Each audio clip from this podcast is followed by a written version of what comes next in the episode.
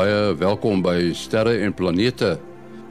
Ons het soos elke laaste Sondag die maand vir Lafra Smit daar in die Vrystaat by ons ook vir professor Mati Hofman in Bloemfontein en Willie Koorts daar in die Kaap. Voordat ons begin met ons gesprek met uh, die drietal, het ek 'n stukkie interessante klank wat ek vir u wil speel. En dit is gemaak met mikrofone wat aan die uh Marstuig Perseverance vasgeheg is. Nou is die eerste maal dat hulle 'n uh, mikrofone uh laat werk en vir ons laat hoor hoe dit klink. We put together a list of some of the sounds we've recorded on Mars to date. So let's take a listen. This is the sound of wind on Mars.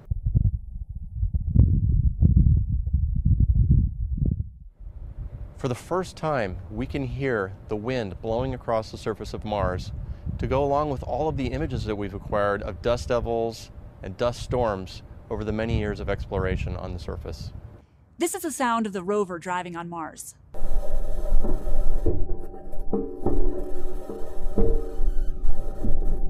This sound might be a little bit weird because it doesn't sound like a regular driving sound, but that's because the rover's wheels are made of metal. So this metal is rolling over rocks and sand, and it makes this really clanky, squeaky sound. Next, we have the SuperCam laser zapping rocks. We've taken a lot of pictures of rocks that have been zapped by the SuperCam, the little marks in the rocks, and for the first time we can hear these laser shots. When it zaps a rock, it actually makes a sound. We can listen to that sound and learn something about the properties of the rock that we're analyzing. This is one of my absolute favorite sounds. This is the sound of a helicopter flying on Mars. We used this sound to actually understand the propagation of sound in general through the Martian atmosphere. And it turns out that we were totally wrong with our models. The Martian atmosphere can propagate sound a lot further than we thought it could. Interessante klanke van Mars af en dis opgeneem deur mikrofone wat vasgeheg is aan die Perseverance Marstuig. Nou Fras uh, is natuurlik 'n baie ywerige amateursterrekundige en elke maand vertel hy vir ons wat daar te sien is in die volgende maand en dit is nou November maand. Nou Lafras, uh, is daar iets te sien wat interessant is?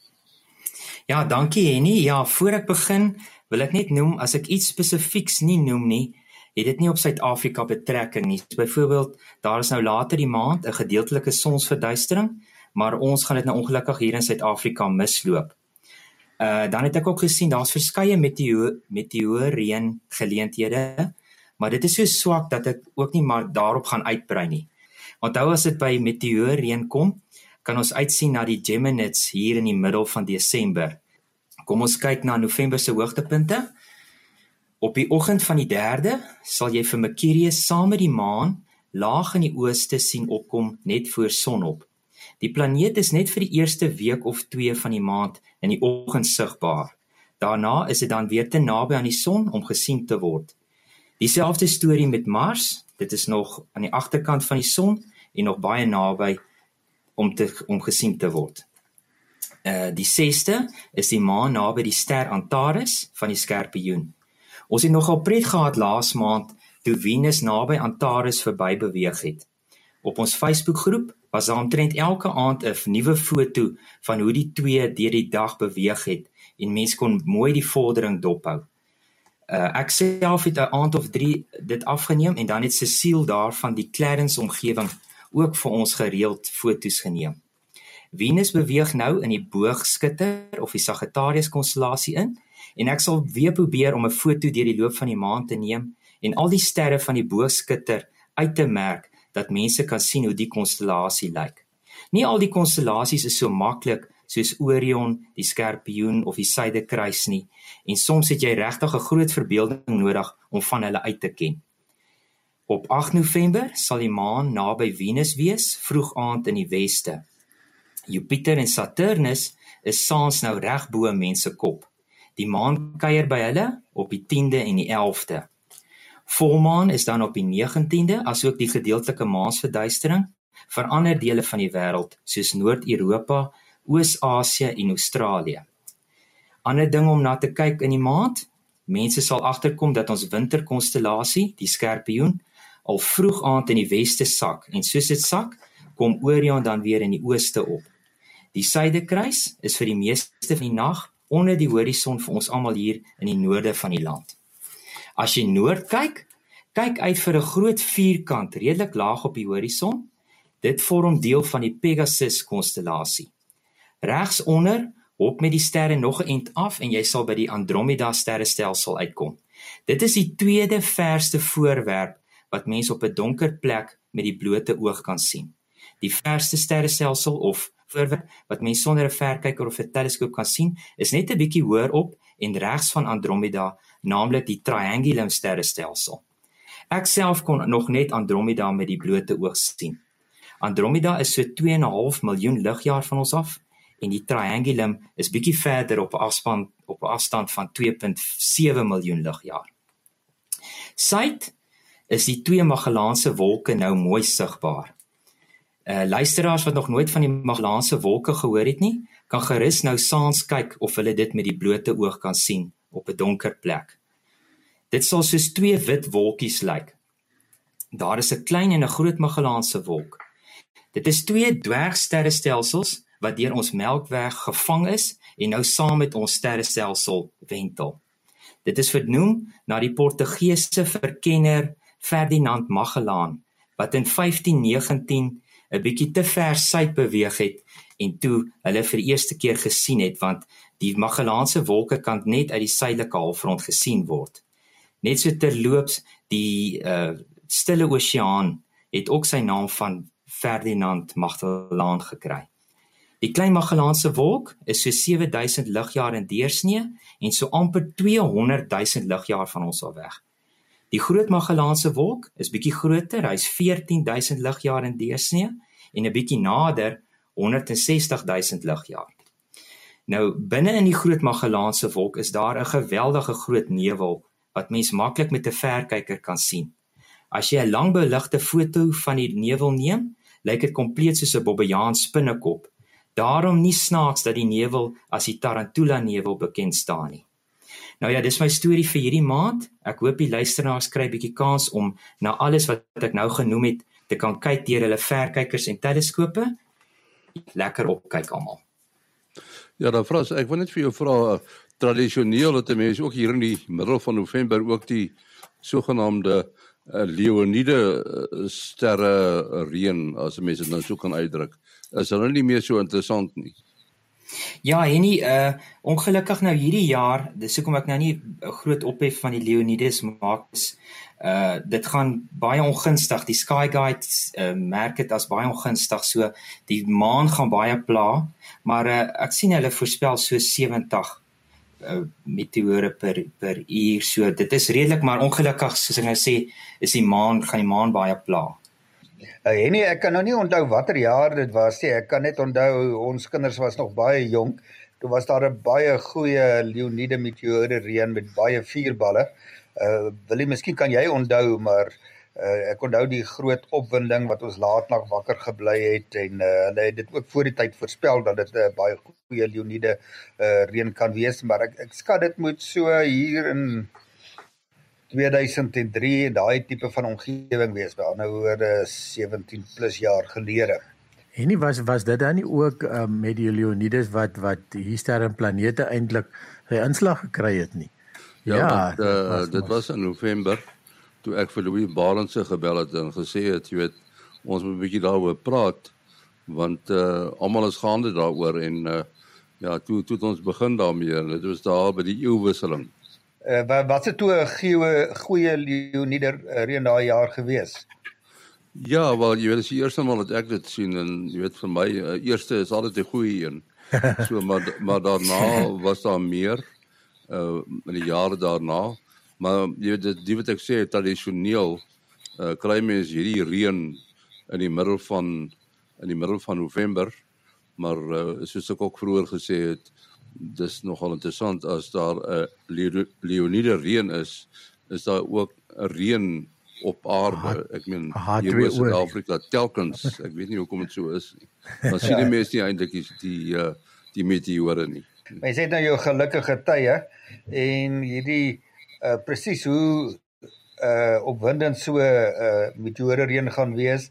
Hulle het hulle modelle oor hoe hierdie stofwolke as ons dit nou so kan noem wat die wat die komete af afgewerp het, weet dis nie uniform nie en hulle probeer nou driedimensionele modelle daarvan vorm en op grond daarvan probeer kan hulle dan 'n voorspelling gee maar dis al soos die weer in terme van waarskynlikhede weet deur hoe digte deel van daardie uh wolk van materiaal die aarde se baan uh in daardie bepaalde jaar gaan uh En dan baie keer is 'n mens baie gelukkig en uh, soos die spreekwoord sê chance favors a prepared mind.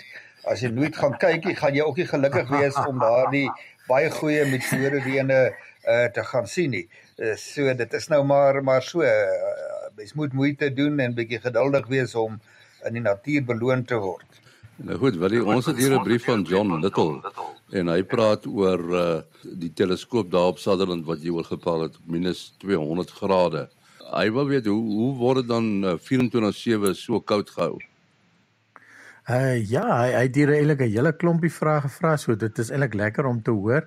Um as mense nou daaroor praat, dan weet jy nou nie hoeveel detail jy moet gee nie, maar aangesien John nou vir ons hier hier uh, uh uh carte blanche gegee het om verder daaroor te praat enige tyd ja want hy vra byvoorbeeld hoekom wasem die lense nie op nie en um word die lense self ook afgekoel en en en word die optika selfs afgekoel ja so op al daai vrae ja en nee um so die die rede hoekom ons soos jy soos jy nou so hy reg hier sê sodra as jy iets tot by -200 grade Celsius koud maak dan gaan dit 'n blok ys vorm daar daar rondom.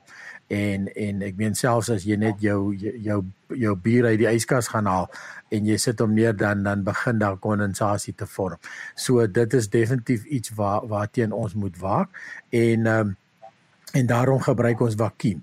So die die CCD self word dan binne in 'n houer geplaas um ons ons praat van 'n van 'n van 'n 'n cryostat of 'n duwer en en dit is dan um 'n 'n stelsel wat dan baie mooi ontwerp is om tot 'n baie hoë vakuum te kan pomp.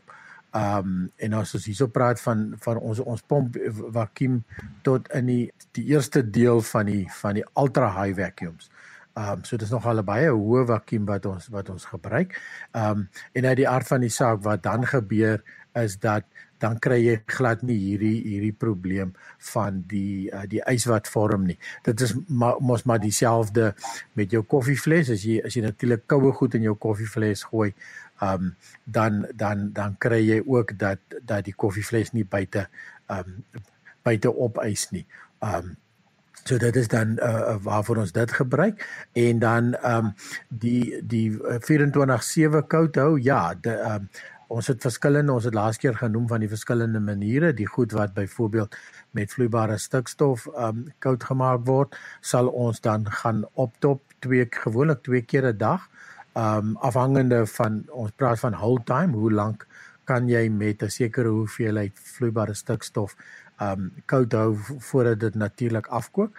Um en ons werk dit maar van van die stelsels kan selfs langer as 24 uur op uh, hou met met met een uh, met 'n paar flesse van die uh, vloeibare stikstof, maar gewoonlik omdat die teleskoop beweeg, uh, kry jy partymal dat die vloeibare stikstof uitloop en en so van want vloeibare stikstof kan jy natuurlik nie toehou nie. Um dit dit dit bou drukking op en en dan kry jy 'n basiese ontploffing kan jy maar amper sê. So dit is hoekom dit dan partymal uitmors. En dan van die ander stelsels wat natuurlik nou met ander maniere afgekoel word, is mos maar gewoonlik elektrisiteit betrokke met die uh, verskillende stelsels wat ons genoem het wat baie dieselfde soos jou yskas werk. Um uh die, die goed loop maar net 24/7. Um en dan vra hy hoekom uh, wasem die lense nie op nie? Nou ja, o, o, ons het nou reeds gepraat van die vakuum, maar jy kry natuurlik dat die CCD sit gewoonlik baie na aan die aan die voorste lens uh, of venster. 'n uh, uh, Party van die cryostats het 'n het net 'n venster, 'n plat venster, opties plat natuurlik en dan kry jy ook van hulle waar die die venster is eintlik 'n lens. Um en dit is deel van die van die optiese pad. En um en omdat die koue CCD so naby aan die aan die lens sit of gefenster sit, kry jy dat dit partymal wil wasem vorm daarso en dan sal ons daardie omgewing um gewoonlik het jy 'n shutter of iets wat verder boontoe lê en dan daai hele area sal ons dan met droë lig die hele tyd um um purge blaas blaas 'n uh, 'n baie lae vloei van van droë lig. Um en en as jy as jy 'n droë ligstelsel oppak dan uh sal ons sommer 'n uh, stikstof gas gebruik uh ook ook om dit om dit te verhoed. Um uh, hy vra hierso of of van die lense self ook verkoel word. In seker van die teleskope wel. Um daar is 'n teleskoop in Sutherland wat die Japaneese uh, wat nou infrarooi um observasies doen. En in daardie teleskoop word selfs die lense word afgekoel want as jy nou dink daaraan die lense gloei in die infrarooi uh, gloei hulle geweldig en die CCD of uh, infrarooi uh, uh CCD in die geval um moet dan nou deur hierdie lense werk. Die teleskoop self uh gloei natuurlik ook. Uh hulle het maniere hoe hulle hoe hulle dit modifiseer, maar uh, daar is wel 'n teleskope waarvan die lense self ook ook afgekoel word, ja. Ek weet nie of dit uh, ook by julle die geval is nie, uh Willie Mati en Lafras. Uh so elke nou en dan kry ek vrae oor wat watter uh, toeps mense kan gaan gebruik om uh te kyk na die sterre. Nou ja, daar's 'n hele klomp uh, wat beskikbaar is. Uh Willie het al gepraat van Stellarium wat 'n rekenaar gebaseerde program is, maar ook sy eie toep het vir uh vir 'n selfoon. En hy hy werk nogal baie oulik uh wil jy uh mense kan hom aflaai, hy's gratis nê. Nee. Uh Stellarium Mobile dink ek amper moet jy 'n klein bietjie betaal. Lafras kan jy onthou. Um, ja, hy's hy's nie verniet nie. Nee, hy is Dit is ek dis maar dis nie baie, dis iets soos R30 of so, ja. Ja, ja, ja so so ek en ek en um uh Lafras ten minste dit is ook maar ons ons uh, geliefkoeste program.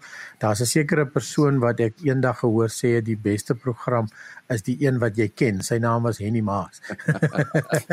en dit is so, né? Maar ja, soos jy sê ja, kyk daar's 'n hele klomp as jy nou gaan 'n uh, uh, soektog doen op die internet, dan sien jy daar Star Walk en Star Tracker en Skyview en Night Sky en Sky Map en Sky Safari en en 'n hele klomp. En en en hulle het hulle het, en baie van hulle is is vir beide Android en en um en Apple en en van hulle is net vir vir vir een van die soort. Gewoonlik as 'n mens maar iets soek, gaan kyk maar na die na die uh, sogenaamde reviews wat wat mense daarna uh, hoe hoe ander mense dit on, ondervind het. Ek gebruik hom nie so nie uh, want ek ken en maar en ek seker van um, um, uh, Lafras ook nie. Uh, omdat ons redelik die naghemel ken, is dit vir ons maklik om hom sommer net te gebruik soos wat hy kom. Uh soos 'n soos 'n kaart wat jy kan open uh, groot en klein maak. Maar van hulle gebruik ook die sensors in jou foon en dan as jy die foon dan ophou en en Stellarium doen dit ook. Um as jy dan die foon ophou teen die naghemel en en jy draai jou foon dan dan dan dan wys hy vir jou waarna jou foon wys op daardie oomblik. Nou baie mense sê o, dit werk nie vir my nie. Onthou net om jou kompas te kalibreer. Um uh, Google maar hoe jy jou spesifieke foon se kompas kalibreer, maar dit is gewoonlik so 'n figuur 8 wat jy moet maak uh ver van enige uh elektromagnetiese steen steurnisse en en dan um, as dit vir jou as dit nie lekker wil werk gaan na 'n ander plek kalibreer weer en dan dan kan jy nogal lekker die foon dan waar jy ook al die foon mik uh, uh dan kyk jy bo die foon en sien jy o dit is dan nou daardie uh sterrestelsel of jy sien 'n helder ding daar in die lug en jy wonder wat dit is en en jy draai die foon soontoe en hy sê ah dis Jupiter of Venus of wat ook al. So ja, baie baie handig deesdae om om die uh sagte ware te gebruik wat op jou foon beskikbaar is. En jy het hom net genoem het van Heavens Above ook wat ook 'n baie oulike webwerf is. Hmm. Hmm. Uh as jy nou wil gaan kyk na die komete en wat se uh, wat die komete en hoe die uh, daar's so 'n oulike figuur van jou van die sonnestelsel op wat ek altyd baie interessant vind dan weet waar is die planete is dit agter die son is dit voor die son so dit is ja, dit is ook 'n baie handige webwerf In die ruimtewêreld is daar ook fop nuus. En uh Mati, jy het gekyk aan die storie van uh baie ver af ontploffing wat ouens waargeneem het, maar toe blyk dit dat dit fop nuus was, né? Nee? Uh en ja, fopnuus is uh, dalk nog nie heeltemal die regte woord hier nie, want fopnuus dink ek beteken jy doelbewus uh vals inligting of op uh, iets wat jy sommer uit jou duim uit gesuig het vir feite versprei. Ehm uh, waaroor dit hier gaan uh is eers is dat in 2020 het sterrekundiges uh die verste sterrestelsel wat nog ontdek is. Nou hy het nou die onindrukwekkende naam uh galaksie GNZ11. Hy is op 'n afstand by die lig wat nou by ons uitkom met 13.4 biljoen ligjare ver beweeg. 13.4. Uh nou hy hulle kon dit bevestig danksy uh die Hubble teleskoop en die Spitzer teleskoop. Uh so natuurlik gaan hy baie dol wees, maar hoe weet hulle uh, hy so ver? Om dit te kan bepaal moet jy spektroskopie gaan doen met 'n baie groot teleskoop en hulle het bepaal dat uh, lig wat daar weggetrek het is ultraviolet lig. Aan die ander woorde ons kan dit net net nie meer sien nie. Dit is nog so 'n bietjie hoë korter uh, golflengte as blou lig. Teen die tyd wat dit hier by ons ingekom het, was dit in die ver infrarooi lig. Nou terwyl hulle dan nou in uh, 20 20 ek is nie seker wanneer hierdie uh verste galaksie ontdek is nie, maar uh sulke stelsels word dan maar uh waargeneem in uh vir allerlei allerlei tegnieke en verskillende dele van die spektrum. Uh toe het hulle skielik waargeneem en dit is nou in laas jaar dat daar dit vir 'n kort rukkie baie helder geword het. As ware baie helder flits in die spesifieke ultraviolet lig. Uh so as daar nou so 'n helder flits van 'n sterrekundige voorwerp waargeneem word, dan is daar 'n paar kandidate. Dit sou 'n supernova ontploffing kon wees.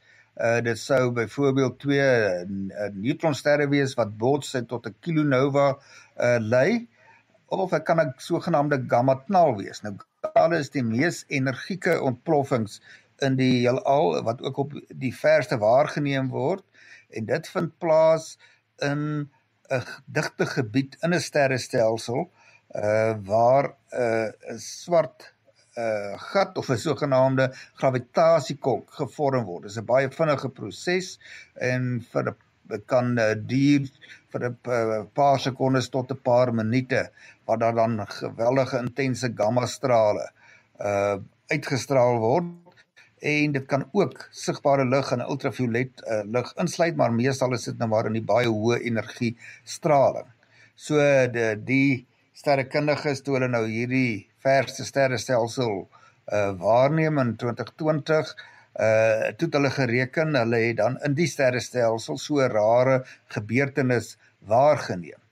Uh, nou as jy nou gaan dink dit is nou spesifiek die verste sterrestelsel uh en dit dit dan is dit baie onwaarskynlik want hierdie dat jy nou dit jy's gaan waarneem terwyl jy daardie voorwerp waarneem. Gewoonlik word hierdie uh kamatnalle nie waargeneem terwyl dit gebeur nie. Dit word deur satelliete opgetel uh, en dan daarna gaan kyk hulle nou met optiese teleskope vanaf die aarde.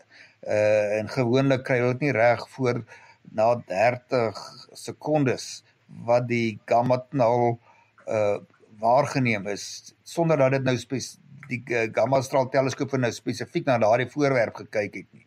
Uh maar in hierdie geval het hulle die flits waargeneem terwyl hulle daarna kyk en dit is baie onwaarskynlik dat so iets kan gebeur. Uh uh ander sterrekundige het toe besluit wel iets wat meer waarskynlik is maar nog steeds baie onwaarskynlik is dat is uh, uh, satelliet uh voor hierdie verste sterrestelsel GNZ11 in beweeg het, uh blyk baie meer waarskynlik as dat uh, die flits deur 'n gamma knal veroorsaak gewees het, die lig te wees wat van af 'n satelliet uh te wees wat in 2015 gelanseer is, 'n Russiese satelliet en dan uh, spesifiek die vierpou fase daarvan wat nou in die ruimte na uh, agtergelaat is. Uh en dit was op 'n enorme afstand van 13000, dis nou 'n enorme afstand vir 'n satelliet, 13700 km ongeveer vanaf die aarde. En nou kan mens dink om in die toekoms te onderskei, uh as jy sulke uh, flitsse uh, waarneem of dit nou as gevolg van 'n gamma knal of een van die ander kandidate soos wat ek genoem het kan wees, moet jy uitsluit of dit nie dalk as gevolg van 'n satelliet is wat op daai oomblik deur die veld be, beweeg nie. Uh nou uh, die waarskynlikheid daarvoor dat nou 'n satelliet nou juis deur daai klein veld waar van hierdie groot teleskoop en in hierdie geval was dit die Keck teleskoop beweeg is natuurlik baie klein, maar hulle reken dit was nog steeds baie groter as wat sterrekundiges se gamma knal sou waarneem juis in die uh, uh, op die oomblik wat hulle nou waarnemings van die verste sterrestelsel wat nog ontdek is gemaak het. Ja, op daardie noot moet ons afsluit. Uh Mati, jou besonderhede? Selfoonnommer 0836257154. 0836257154. En dan Lafras? Hulle is welkom om my te WhatsApp by 076 704 2773. 076 704 2773. Wat? 072 4579208 En dan die program se e-posadres sterreplanete@gmail.com sterreplanete@gmail.com